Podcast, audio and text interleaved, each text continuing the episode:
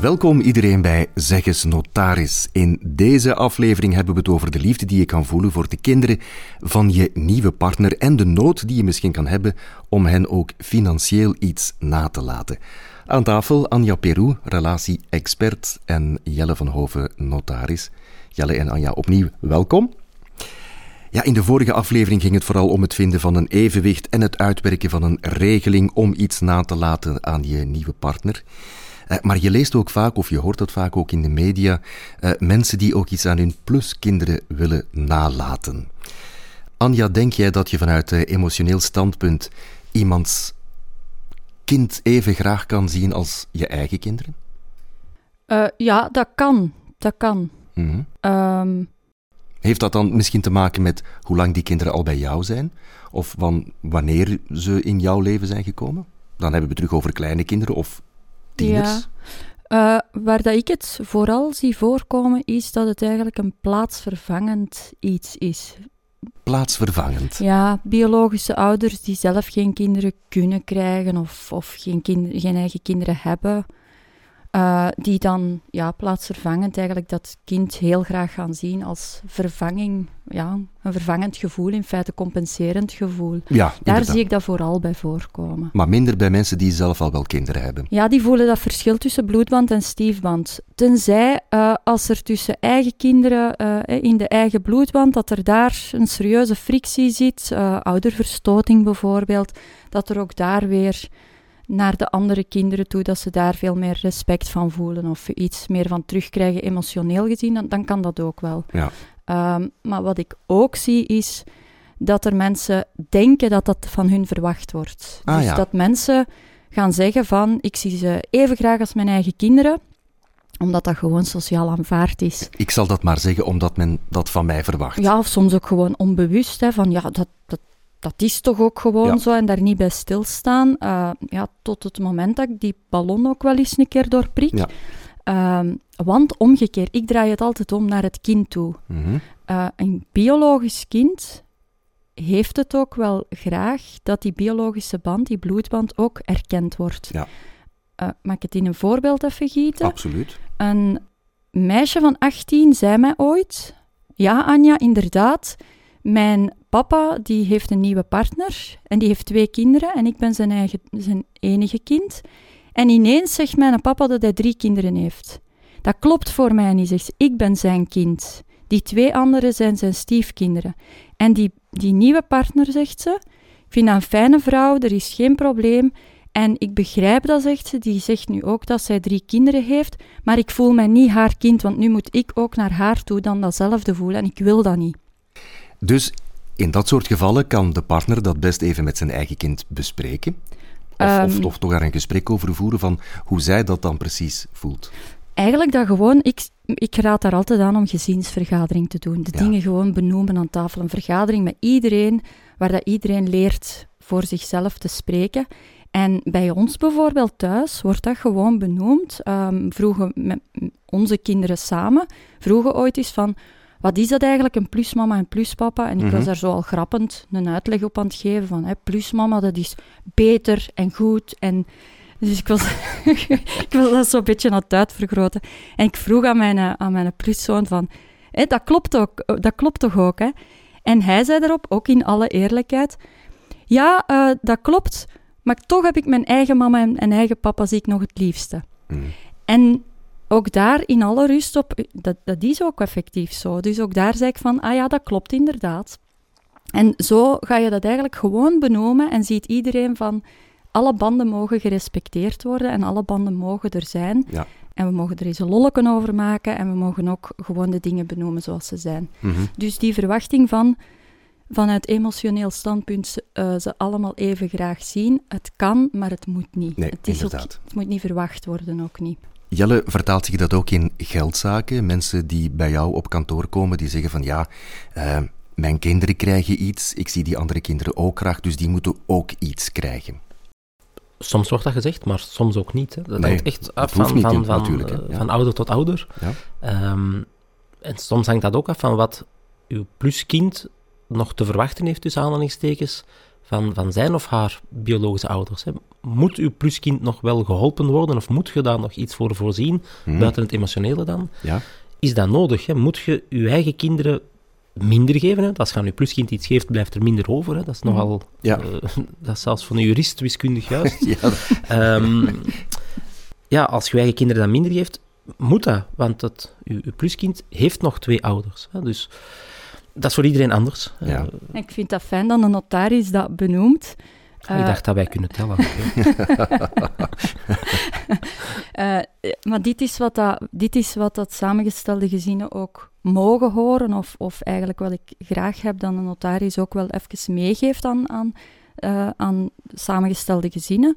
Omdat bij mij zie ik dat plusouders het naar de buitenwereld niet durven te zeggen, maar bij mij dan wel zo eindelijk voelen van, ah, hier mag ik in alle eerlijkheid mijn gevoel zeggen.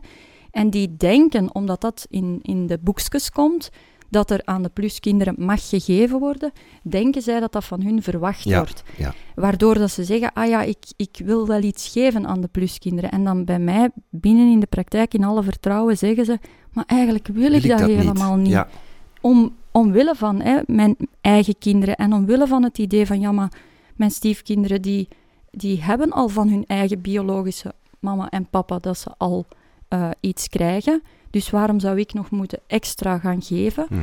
Ehm, dus dat leeft daar dan wel. Dus als dat ook gewoon benoemd kan worden van hé, hey, je zit niet abnormaal als je het nu net niet wilt, Mhm. dan is het ook oké. Eh, dus ja, dat, dat verlicht wel. Dat, Ja, dat geeft... Vandaar op hetgeen dat we in een vorige eh, aflevering al hebben gezegd. Het kerngezin, het standaard iets. eh, mama, papa en ik moet aan alle kinderen evenveel geven.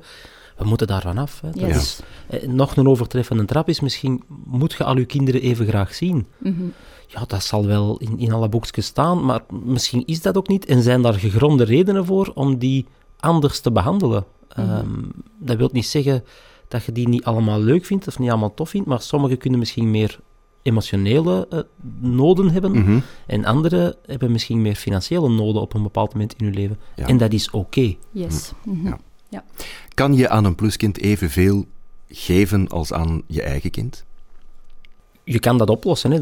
zoals we al gezegd hebben. Er is een bepaalde reserve die geldt voor je eigen kinderen. En Dat is altijd de helft De helft, ja. van eh, de nalatenschap, tussen aanhalingstekens. Ja, dat wil zeggen dat je nog een helft over hebt die je eventueel zou kunnen voorzien voor eh, je pluskind of pluskinderen. hè. Dus je kunt daar eh, zeer mooie eh, regelingen in treffen, maar dat moet ook absoluut niet. hè. Nee. Maar nu kom ik wel op iets. eh, hè, dat moet absoluut niet, dat kan. Maar wat met ehm, als de biologische ouder komt te overlijden, dan heb je als, naar wat ik gehoord heb eh, altijd, dan heb je als plusouder wel plichten, maar geen rechten nog naar uw pluskind. Dus als de, de, de nieuwe partner, de biologische ouder, komt te overlijden, Mhm. Dan heb je als plusouder nog een bepaalde plicht. Het is mijn, het is mijn nuances, hè, maar nog een Absoluut, bepaalde het- plicht van iets af te dragen nog en geen rechten. Ten belopen tot van wat je gekregen hebt van de vooroverleden biologische ouder, eh, kan er een eh, onderhoudsbijdrage, is een groot woord, maar zo gaat het best blijven hangen, eh, bestaan richting eh, u- uw pluskind. Ja. Ehm, maar dat is een, een geldelijke verplichting. Hè. Daar moet je niet per se in zien dat je verplicht bent om daar nog contacten Ja. mee te onderhouden. Je hebt daar ook niet per se de, de, de rechten toe. Mhm. Eh, maar er kan een, een bijdrage gevraagd worden ten belopen van het erfdeel dat dan niet naar dat pluskind is eh, gegaan. Ja, dat geeft De assenpoesterclausule, zoals men De dat eh, als, Poesterclausule. alweer een sprookje. alweer een sprookje, je ziet. Ja. De, de Grims waren voor op hun tijd. Maar dat geeft ook wel, dat is grond voor onrust, hè, want dat geeft zo'n onrechtvaardigheidsgevoel van, ah ja, als plusouder, ik moet wel geldelijk iets blijven eh, afdragen, ik moet iets blijven afdragen en ik heb geen recht om het kind te blijven zien, want ik, allee, dat recht heb ik niet, niet zomaar. Dus ik moet wel geldelijk blijven, blijven Mhm. iets, eh, iets Ja, afdragen. Ja, Ja. ja. Maar goed, je wil wat geven aan je pluskinderen. Doe je dat dan best via een testament of via een Maar misschien eerst even, want toen we daarnet aan het praten waren, er is een verschil tussen geven en schenken. Ik ben daar niet in thuis in, in dat wereldje. Voor mij is dat hetzelfde. Ik geef jou een geschenk, een cadeautje. Dus voor mij is schenken en geven min of meer hetzelfde, maar dat blijkt niet het geval te zijn. Ja, het onderscheid wordt uh, scherper uh, gesteld als men dat gaat zien. Wanneer gaat men dat doen? Doet men het mm. tijdens het leven, dan zal dat een schenking zijn. Ja. Maar voorziet men iets voor de volgende generatie, of voor iemand anders bij overlijden, dan zal dat uh, een legaat zijn of een erfenis zijn. Ja. Dat, dat je dan geeft, nalaat okay. aan iemand. En daar is uiteraard een belangrijk verschil. Nu of bij mijn overlijden. Wanneer, ja. Krijgt, wanneer krijgt het uitwerking? Maar is er ook een fiscaal verschil? Absoluut. Het ene tijdens het leven zullen er schenkingsrechten op verschuldigd zijn. En als het bij overlijden is, zullen er successierechten of erfbelasting op verschuldigd zijn. En dat zijn andere tarieven die worden uh, fiscaal anders behandeld. Oké. Maar dus terug naar de oorspronkelijke vraag. Ik wil iets nalaten aan mijn pluskinderen. Doe ik dat best via een testament of via een schenking? Dat is geen standaard antwoord op te geven. Ah. Uh, dat hangt van uw situatie af. Ja. Om het eenvoudig te zeggen, maar ook daar zijn zeer veel nuances. Wilt je al, wilt je en kunt je het nu al geven, dan ziet je misschien nog de vreugde, mag ik hopen, ja. uh, bij de ontvanger. Hè. Laten we hopen dat er dan vreugde is. Ja. Uh, ik wilde dat helemaal niet. ja, dat kan ze, je moet het niet aanvaarden. Hè. Dus nee, nee. dat is wel het voordeel. Uh, maar dan ziet je het nu al en kun je ze misschien nu helpen. Daarentegen, als je het pas doet bij overlijden, ja, dan is het bij overlijden en dan ziet je het misschien ook niet meer. Nee, dat is, de kans is redelijk groot. Allee, in, in mijn wereldbeeld ziet, ja. zijn er geen wolkjes met uh, rijstpap en gouden lepeltjes. nee, dus, nee, uh, nee. dus je kan u gaat het niet zien. Zelfs niet van op afstand uh, zien. Betaalt een stiefkind dezelfde belasting als je eigen kinderen? Als er voorzien wordt dat er dus een deel naar het stiefkind zal gaan, mm -hmm. um, dan gaat dat stiefkind uh, dezelfde voorwaarden hebben als er een huwelijk of een wettelijke samenwoning is, of dezelfde tarieven hebben dan de echte kinderen. Okay, uh, dus de, daar de, is... bloed, uh, de bloedkinderen, om het zo te ja, zeggen. Ja. Wel opletten, daar is een nuance aan. Stiefkleinkinderen hebben niet diezelfde regeling. Stiefkleinkinderen. Dus de kinderen van uw stiefkind. Ja, ja. ja. maar daar vervalt ja. dat dus... Da, die hebben niet... Uh, dus kleinkinderen hebben dezelfde tarieven dan kinderen.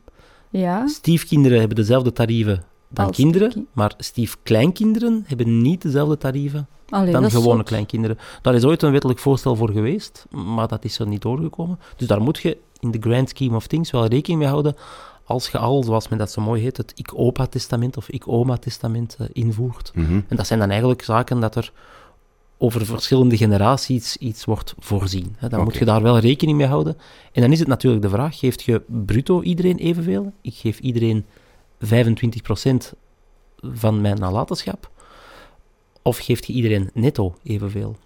Want de fiscale belastbaarheid, hè, dat, dat, is anders. Iets, dat moet besproken worden. Ja, dat is iets om over na te Vind denken ik met al, andere Ja, woorden. dan wordt het rekenen. Dat is voor mij moeilijk. maar dat is voor juristen ook moeilijk. Hè? Dat is geen probleem. Daar moet pen en papier aan te pas komen. Ja, voilà. Maar goed, dus uh, fiscaal is er goed tussen... dat er notarissen zijn. Fiscaal is er dus tussen stiefkinderen en je eigen kinderen um, geen ongelijkheid. Nee. nee. Oké. Okay. Kan je eigenlijk een stiefkind of een pluskind adopteren? En is dat een optie om daar fiscaal voordeel mee te doen? Ah, ik denk wel dat je die kan op adopteren. Ja, ik heb het voorbeeld al gehad. Dan, is, ja, dan moet wel de andere biologische ouder... Ik heb het in een voorbeeld gezien. De andere biologische ouder moet dan ook wel tekenen om die adoptie toe te laten. Daar kan ook wel emotioneel wat, wat bij te pas komen of, of wat frictie mee naar boven komen. Dus daar, ja, emotioneel gezien komt daar wel wat bij kijken. Mm -hmm. Maar juridisch gezien... Dat, dat, kan zeker. En, en, dan moet er ook een onderscheid gemaakt worden tussen volle adoptie en gewone adoptie. Bij een volle adoptie knipt je eigenlijk de oorspronkelijke band met de uh, oorspronkelijke familie door. En bij een gewone adoptie uh, komt er eigenlijk een ouder bij, maar dan geen plusouder meer. Je maakt dat echt je nee. eigen kind van. Ja.